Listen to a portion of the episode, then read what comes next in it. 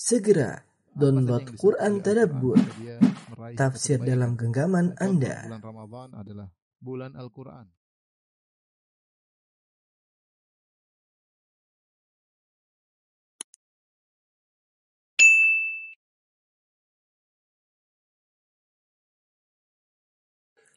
إن الحمد لله نحمده ونستعينه ونستغفره ونتوب إليه ونعوذ بالله من شرور أنفسنا وسيئات أعمالنا من يهده الله فلا مضل له ومن يضلل فلا هادي له أشهد أن لا إله إلا الله وحده لا شريك له وأشهد أن محمدا عبده ورسوله لا نبي بعده يا أيها الذين آمنوا اتقوا الله حق تقاته ولا تموتن إلا وأنتم مسلمون فإن أصدق الحديث كتاب الله وخير الهدى هدى محمد صلى الله عليه وسلم وشر الأمور محدثاتها وكل محدثة بدعة وكل بدعة ضلالة وكل ضلالة في النار Ma'asyiral muslimin, usikum wa nafsi bitaqallah faqad fazal muttaqun.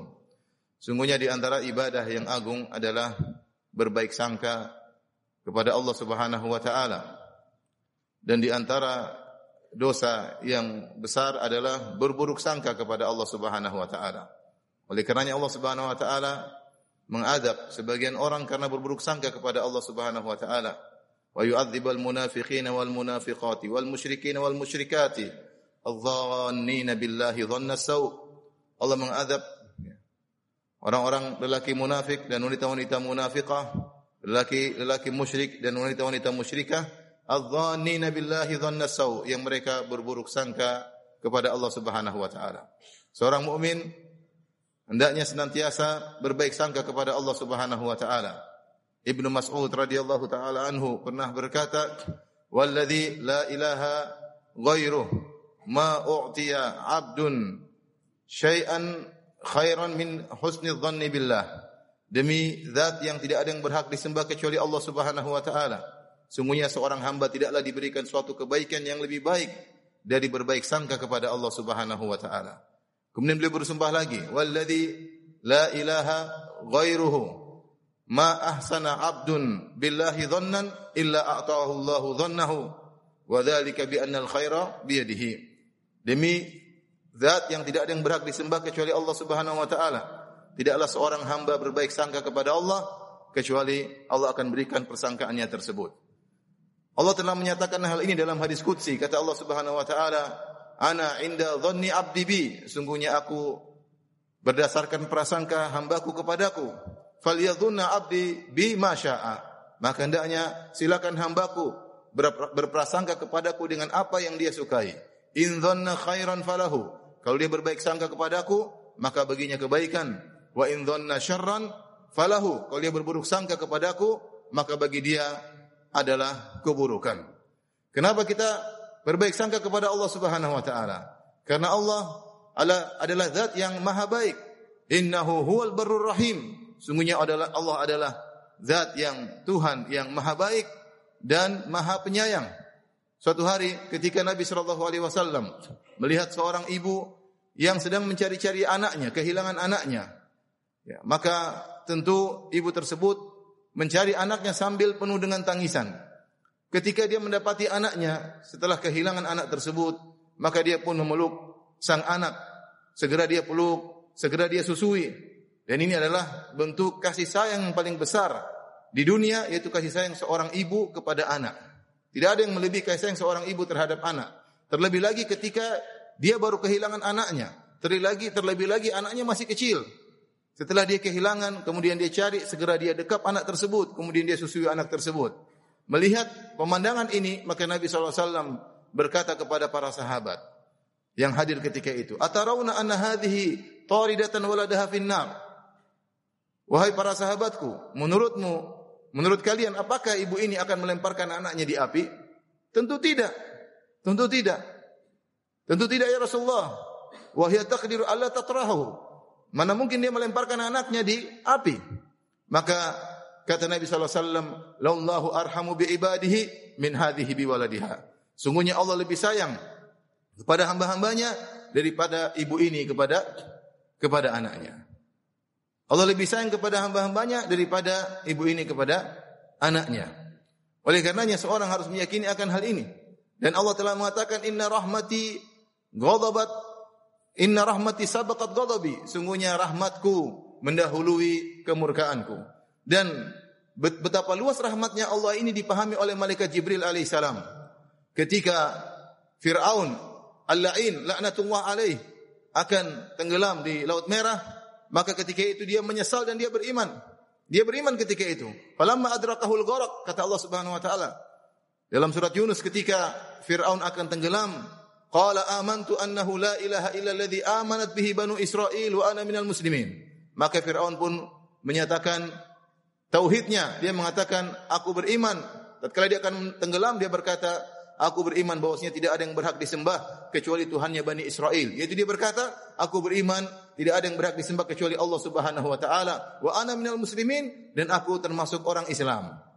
Ketika dia mulai mengucapkan hal tersebut, kata Jibril alaihissalam kepada Nabi SAW, aku pun mengambil wahai Rasulullah sehingga kalau seandainya kau melihat ketika Fir'aun mengucapkan kata-kata tersebut, segera aku ambil lumpur atau pasir dari laut segera aku lemparkan ke dalam mulutnya supaya dia tidak bisa bicara lagi. Kenapa? Makhafata an tudrikahu rahmatullah. Aku khawatir Allah akan mengampuni dia. Aku khawatir Allah akan mengampuni dia. Dan Jibril tidak mau Firaun diampuni. Jibril tidak mau Firaun diampuni. Artinya apa? Jibril paham bahwasanya rahmat Allah begitu begitu luas. Ya, begitu luas kepada hamba-hambanya. Ma'asyiral muslimin, dalam kondisi apa ditekankan kita berhusnudzon kepada Allah Subhanahu wa taala? Di antaranya pertama dan ini yang sangat paling penting adalah ketika akan meninggal dunia. Kata Nabi sallallahu alaihi wasallam, "La yamutanna ahadukum illa wa huwa yuhsinu dhanna billah azza wa jalla." Janganlah sekali-sekali salah seorang dari kalian meninggal kecuali dalam kondisi berbaik sangka kepada Allah Subhanahu wa taala. Jangan sampai seorang akan meninggal dia berburuk sangka kepada Allah Subhanahu wa taala. Itu adalah saat-saat kritis. Maka dia berbaik sangka kepada Allah. Yakin bahwasanya Allah Subhanahu wa taala Maha Pengampun, Maha Penyayang. Dia bertobat di penghujung hayatnya dengan berbaik sangka kepada Allah Subhanahu wa taala. Jangan berburuk sangka kepada Allah Subhanahu wa taala. Kemudian kondisi yang berikutnya ketika bertobat kepada Allah Subhanahu wa taala. Dia berbaik sangka bahwasanya Allah menerima taubatnya. Alam ya'lamu anna Allah huwa yaqbalu taubatan ibadih. Tidakkah mereka mengetahui bahwasanya dialah Allah yang menerima taubat dari hamba-hambanya. Dalam suatu hadis di mana seorang melakukan dosa kemudian dia bertobat.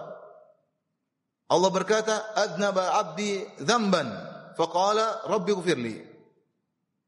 Hambaku berbuat dosa.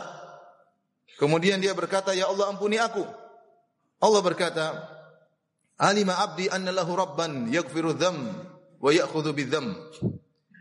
Hambaku yang berdosa tadi mengetahui dia punya Tuhan yang Maha mengampuni dosa dan juga bisa menyiksa karena dosa. Ghafartu lahu maka aku ampuni dia.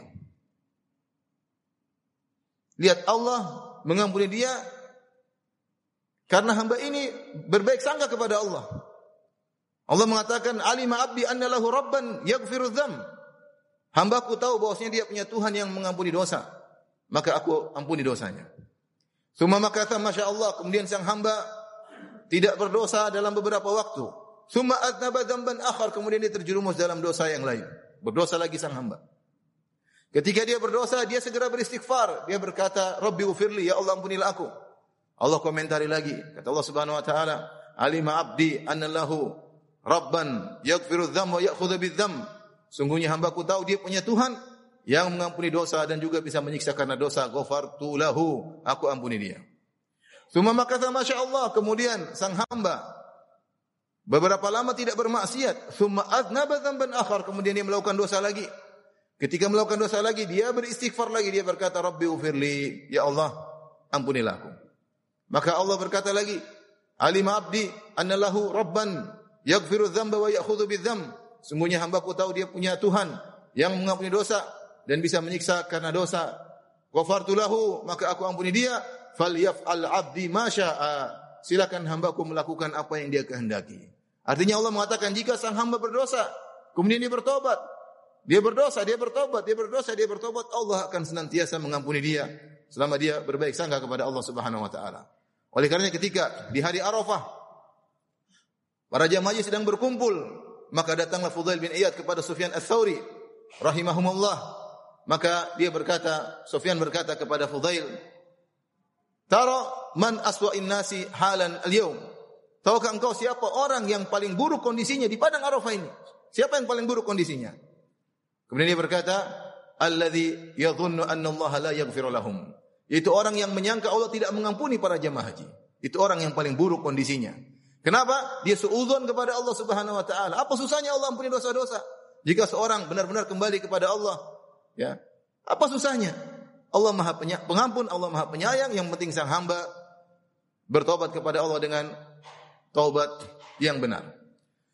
Kemudian di antara kondisi seorang berbaik sangka kepada Allah Subhanahu wa taala adalah ketika dalam kondisi terdesak seorang berusaha tetap berbaik sangka kepada Allah Subhanahu wa taala. Allah bercerita tentang Nabi Musa alaihissalam ketika dikejar oleh Fir'aun. Nabi Musa dan pengikutnya terjebak di depan mereka ada laut merah, di belakang mereka ada Fir'aun dan bala tentaranya.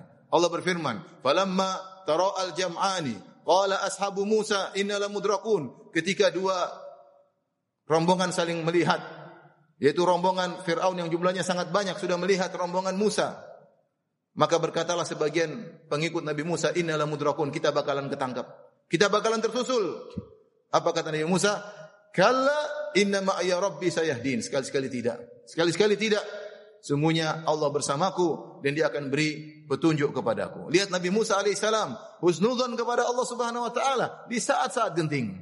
Demikian juga Nabi Muhammad sallallahu alaihi wasallam ketika masuk bersama Abu Bakar di dalam goa Jabal Thawr, kemudian bersembunyi di goa tersebut, kemudian orang-orang musyrikin akhirnya menyusul mereka dan mereka sudah berada di mulut goa. Dan mulut goa terbuka. Sampai Abu Bakar berkata ya Rasulullah lau anna ahadahum absara ila tahti qadamaihi la absarana. Wahai Rasulullah kalau ada salah satu orang dari mereka saja tengok ke bawah pasti sudah melihat kita. Apa kata Nabi sallallahu alaihi wasallam? Ya Abu Bakrin ma dhannuka bithnain? Allahu thalithuhuma. Wahai Abu Bakar bagaimana menurutmu tentang dua orang? Yang Allah adalah ketiganya yang Allah bersamanya Allah pasti akan menyelamatkannya.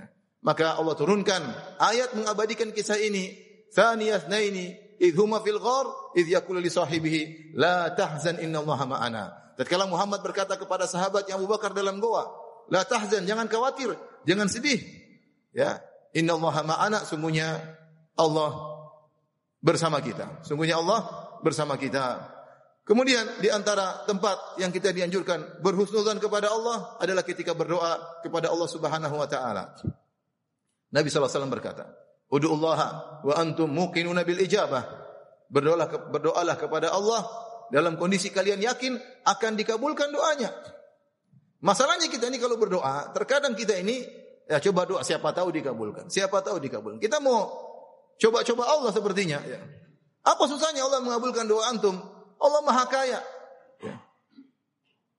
Satu dunia dikabulkan doanya oleh Allah, permintaannya semua dipenuhi, tidak mengurangi kekayaan Allah Subhanahu wa taala. Tinggal bagaimana kita berdoa kepada Allah dan yakin Allah pasti mengabulkan. Ya. Allah cara pengkabulan Allah terserah Allah, tapi kita harus husnudzan apa susahnya bagi Allah mengabulkan permohonanku. Maka kata Nabi sallallahu alaihi wasallam, "Ud'u Allah wa antum muqinuna bil ijabah." Berdoalah kepada Allah dalam kondisi kalian yakin kepada Allah akan dikabulkan. Aku qouli hadza astaghfirullah li wa lakum wa li sa'il muslimin min kulli dhanbin wa khati'ah fastaghfiruhu innahu huwal ghafurur rahim. Alhamdulillah ala ihsanih wa syukru lahu ala taufiqihi wa amtinani wa asyhadu an la ilaha illallah wahdahu la syarika lahu ta'ziman li sya'ni wa asyhadu anna Muhammadan abduhu wa rasuluhu da'ila ridwani Allahumma salli alaihi wa ala alihi wa ashabihi wa ikhwani. Ma'asyiral muslimin.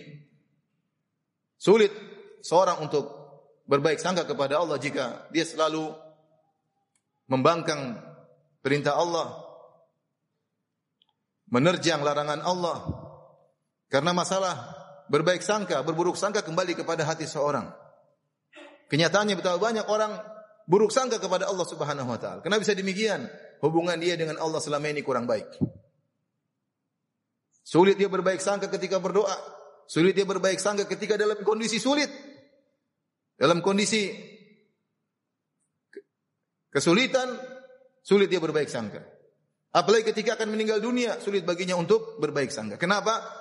Hubungan dia dengan Allah biasanya kurang baik. Dia menjalin hubungan baik dengan sesama manusia, tapi hubungan dia dengan Allah buruk. Oleh karenanya seorang kalau ingin bisa menata hatinya untuk senantiasa berbaik sangka kepada Allah, maka dia berusaha bertakwa kepada Allah Subhanahu wa taala, menjalankan perintahnya, menjauhi larangannya. Bukan berarti disyaratkan dia tidak boleh berdosa. Siapa sih yang tidak berdosa? Kullu bani Adam khata. Setiap anak Adam pasti melakukan dosa. Wa khairul khata'ina at-tawwabun dan sebaik-baik yang pendosa adalah yang bertobat kepada Allah Subhanahu wa taala. Tapi dia berusaha berbuat baik. Saya sering mengatakan, lihatlah hubungan kita dengan orang tua kita. Kita terkadang nakal sama ibu kita, terkadang kita baik, terkadang kita nurut, terkadang kita enggak nurut. Tapi ibu kita selalu mengampuni kita selama kita kembali kepada ibu kita. Selama kita minta maaf sama ibu kita. Kita husnudzon sama ibu kita, ibu kita baik. Kalau Ibu kita bisa demikian, Allah lebih utama. Yang lebih baik kepada kita daripada ibu kita terhadap kita. Terkadang seorang anak minta maaf kepada ibunya, ibunya tidak terima. Sebagai ibu mengatakan, aku tidak menganggapmu lagi sebagai anakku. Kalau Allah tidak demikian. Allah tidak pernah berkata kepada hambanya, aku tidak menganggap engkau sebagai hambaku. Tidak pernah demikian. Bahkan Allah berkata kepada hamba-hambanya yang terjerumus dalam maksiat agar kembali kepada Allah. Kata Allah, Qul ya ibadiyalladzina asrafu ala anfusim la taqnatu min rahmatillah. Katakanlah, wahai hamba-hambaku yang tenggelam dalam kemaksiatan, la taqnatu min rahmatillah. Janganlah putus asa dari rahmat Allah. Allah masih menamakan hamba-hamba pelaku maksiat tersebut dengan ibadi hamba-hambaku. Oleh karena seorang berusaha menata hatinya dalam kehidupannya menjalin hubungannya dengan Allah dengan hubungan yang baik. Ya. Perhatikan ibadahnya ketika dia bersendirian, Salat malamnya, baca Qur'annya, jalin hubungan dengan baik kepada Rabbul Alamin, maka niscaya dia akan bisa menata hatinya untuk berbaik sangka kepada Allah Subhanahu wa taala. Lihatlah, ada seorang ketika dia difonis akan meninggal dunia, dia sadar bahwa dia akan pergi ke akhirat, maka dia husnudzon kepada Allah. Dia mengatakan laqad akramani Allah wa ana fidari. Sungguh Allah telah muliakan aku sementara aku di rumahku. Bagaimana lagi kalau aku pergi ke rumahnya Allah Subhanahu wa taala? Bagaimana kalau aku pergi ke negeri Allah? Tentu Allah akan lebih memuliakan aku. Inna Allah malaikatahu yusalluna ala nabi ya ayyuhalladzina amanu صلوا عليه وسلموا تسليما. اللهم صل على محمد وعلى آل محمد. كما صليت على إبراهيم وعلى آل إبراهيم إنك حميد مجيد. وبارك على محمد وعلى آل محمد كما باركت على إبراهيم وعلى آل إبراهيم إنك حميد مجيد. اللهم اغفر المسلمين والمسلمات والمؤمنين والمؤمنات الأحياء منهم والأموات. إنك سميع قريب مجيب دعوات ويقاضي الحاجات. اللهم تقبل منا. إنك أنت السميع العليم. وتوب علينا إنك أنت التواب الرحيم. اللهم تقبل منا صيامنا وقيامنا وصدقاتنا وتلاواتنا وتخشعنا وتضرعنا. إنك أنت السميع العليم. ربنا آتنا في الدنيا حسنة وفي الآخرة حسنة وقنا عذاب النار وأقيموا الصلاة.